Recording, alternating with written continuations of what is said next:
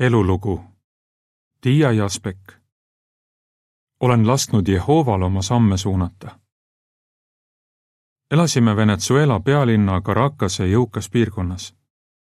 ühel päikesepaistelisel hommikul aastal tuhat üheksasada kaheksakümmend neli läksin oma mugavast kodust tööle. tee peal juurdlesin ühe hiljutise vahitorni artikli üle.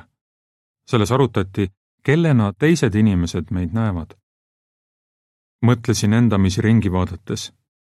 kas ma olen oma naabrite silmis lihtsalt üks edukas pankur või kas mind teatakse pigem kui jumalateenijat, kes pangatööga oma perele elatist teenib? võimalik vastus ei meeldinud mulle ja ma otsustasin midagi ette võtta.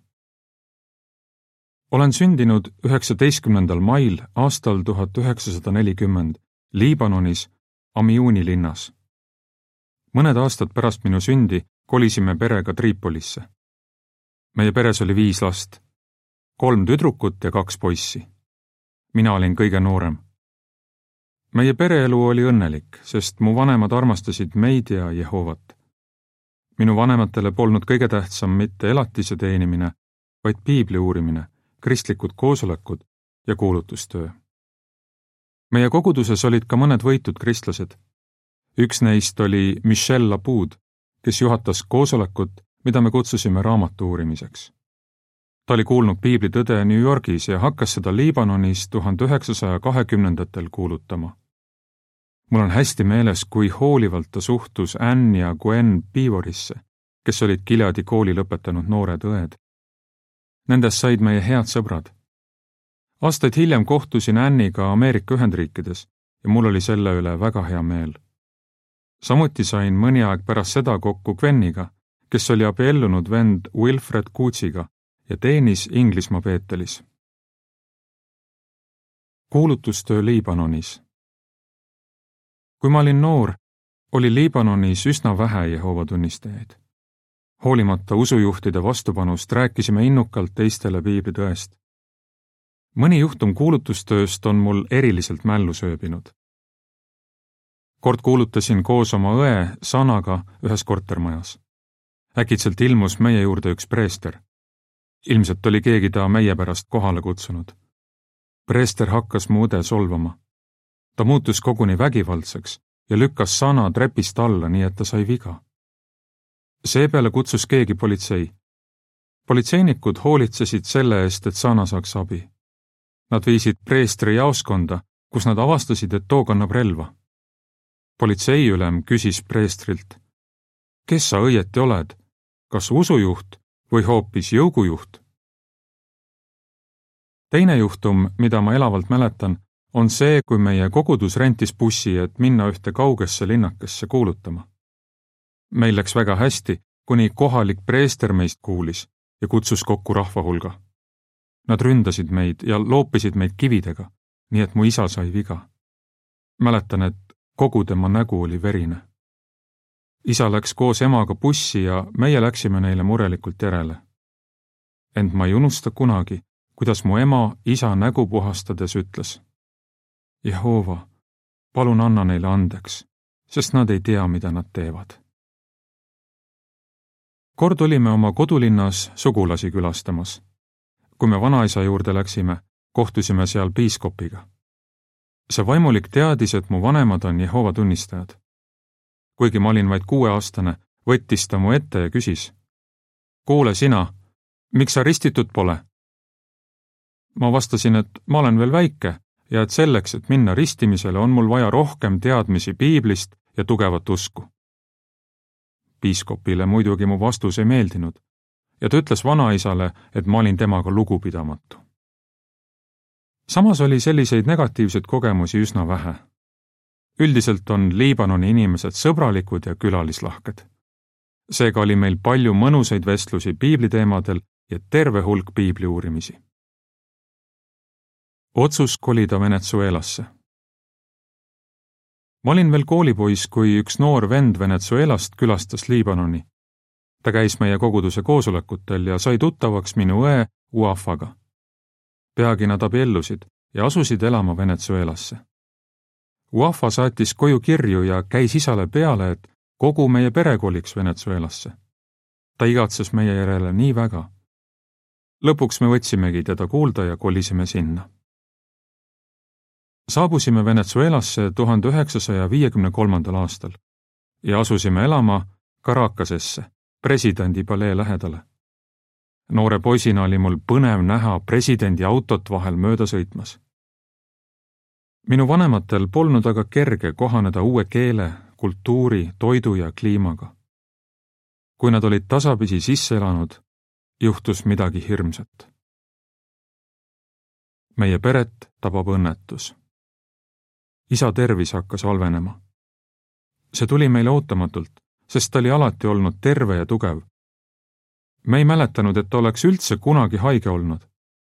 tal diagnoositi pankrease vähk ning tehti operatsioon. kahjuks suri ta juba nädal hiljem on raske kirjeldada, kui rängalt see meile mõjus. ma olin vaid kolmeteistaastane. olime šokis. meie maailm oli otsekui kokku kukkunud. ema ei suutnud mõnda aega leppida mõttega, et tema abikaasat enam pole. Siiski saime aru, et elu peab edasi minema. ja Jehova abiga me tulime toime. kui ma lõpetasin kuueteistaastaselt Caracases keskkooli, oli mul kindel soov oma perekonda materiaalselt toetama hakata. vahepeal oli mu õde Sana abiellunud Ruben Araujoga, kes oli lõpetanud Gileadi kooli ja tulnud tagasi Venezuelasse. Sana ja Ruben kolisid New Yorki. Meie pere otsustas, et ma lähen New Yorki ülikooli ja elan sel ajal oma õe ja õemehe juures. Sana ja Ruben mõjusid hästi minu vaimsele kasvule lisaks oli Brooklyni hispaaniakeelses koguduses palju küpseid vendi. mul oli rõõm saada tuttavaks näiteks Milton Henscheli ja Frederick Franziga, kes mõlemad teenisid Brooklyni Beetelis. kui minu esimene ülikooliaasta New Yorgis oli lõpule jõudmas, hakkasin tõsisemalt mõtlema, mida oma eluga peale hakata. olin mõtisklenud vahitorni artiklite üle, mis innustasid Jehova teenijaid endale eesmärke seadma nägin, kui rõõmsad on minu koguduse pioneerid ja peetelased ning tahtsin olla nende moodi. kuid ma ei olnud veel ristitutki. mõistsin peagi, kui tähtis on pühenduda Jehovale. tegingi seda ja lasin end ristida kolmekümnendal märtsil aastal tuhat üheksasada viiskümmend seitse. Olulised otsused pärast ristimist hakkasin mõtlema ka täisajalisele teenistusele see tundus mulle järjest ihaldusväärsem, kuid mõistsin, et selle sammu astumine ei saa kerge olema. kuidas ühildada pioneeritööd ja ülikoolis õppimist? New Yorgi ja Venezuela vahel käis kõva kirjavahetus, kui ma selgitasin oma emale ja vendadele-õdedele, et ma tahan oma õpingud pooleli jätta, Venezuelasse tagasi tulla ja pioneeriks hakata pöördusin Caracasesse tagasi tuhande üheksasaja viiekümne seitsmenda aasta juunis. nägin aga, et mu pere materiaalne olukord on kehv. oli vaja, et ma läheksin tööle ja aitaksin peret ülal pidada. mulle pakuti tööd pangas, kuid ma tahtsin nii väga pioneer olla. selleks ma ju tagasi tulingi. otsustasin, et proovin teha mõlemat. Hulk aastaid töötasin pangas täiskohaga ning samal ajal teenisin ka pioneerina. mitte kunagi varem polnud ma olnud nii hõivatud ega nii õnnelik. rõõmu tegi ka see, et tutvusin ja abiellusin Silviaga, kauni sakslannaga, kel oli tugev armastus Jehova vastu. ta oli kolinud Venezuelasse koos oma vanematega. peagi sündisid meile poeg Maik ja tütar Samira. Hoolitsesin ka oma ema eest, kes elas koos meiega perekondlike kohustuste tõttu tuli mul pioneerteenistus lõpetada, kuid minu pioneerivaim ei kadunud. puhkuste ajal püüdsime Silviaga igal võimalusel abipioneerid olla. veel üks tähtis samm. mu lapsed käisid veel koolis, kui mu peas hakkasid keerlema mõtted, mida ma kirjeldasin oma eluloo alguses. meil oli mugav elu ja minust peeti pangas lugu. Siiski ma soovisin, et mind tuntaks eelkõige kui Jehova teenijat. ma ei saanud kuidagi lahti mõttest, et pean oma elu muutma. niisiis istusime naisega maha ja arutasime meie pere rahaasju. pangatöö lõpetamise korral oleks mind oodanud korralik lahkumishüvitis. meil polnud võlgu ja me arvestasime, et kui oma elu lihtsustame, saame tükk aega kenasti hakkama.